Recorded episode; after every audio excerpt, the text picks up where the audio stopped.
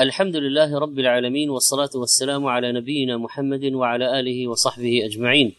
أيها الإخوة والأخوات السلام عليكم ورحمة الله وبركاته. وبعد فمع كتاب الله وشهر الصيام نعيش يقول عز وجل ألم يأن للذين آمنوا أن تخشع قلوبهم لذكر الله وما نزل من الحق؟ وهذه فرصة عظيمة للعودة إلى الله والرجوع إليه وتغيير ما في النفس لتلين القلوب وتعود آيبة إلى علام الغيوب. رمضان فرصة للتغيير.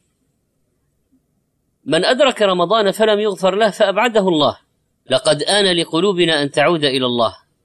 لقد آن لأنفسنا أن ترجع إلى منهج الله سبحانه وتعالى. لقد قست كثيرا. عصينا فرطنا.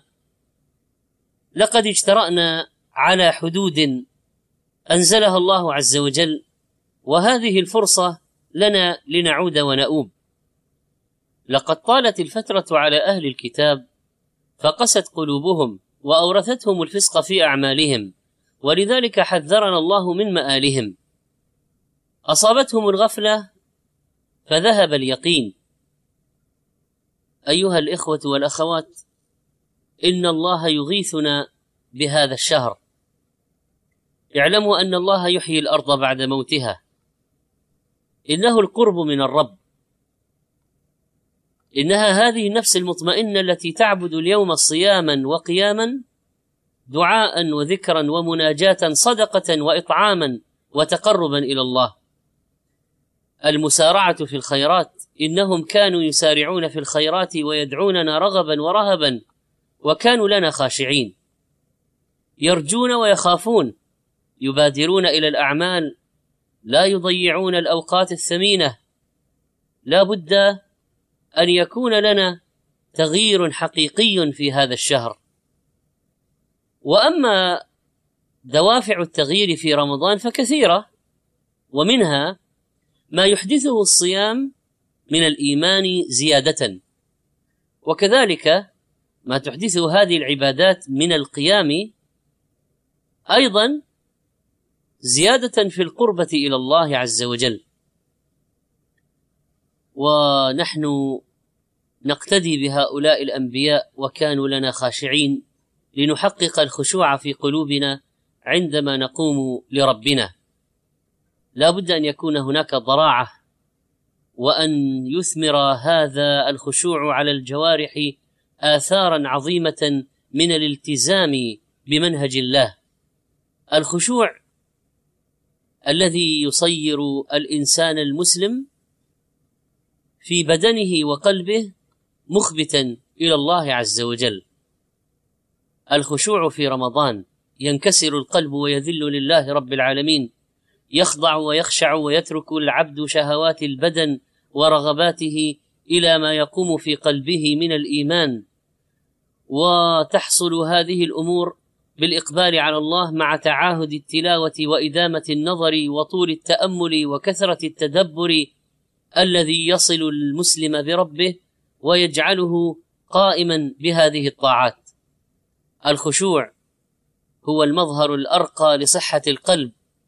فإذا أخرج الخشوع من القلب خربا فما ذهب الخشوع إلا وقد مرض القلب بأمراض كثيرة ومتى غلبت الأمراض على القلب فإنه يفسد. نحن الآن في شهر رمضان.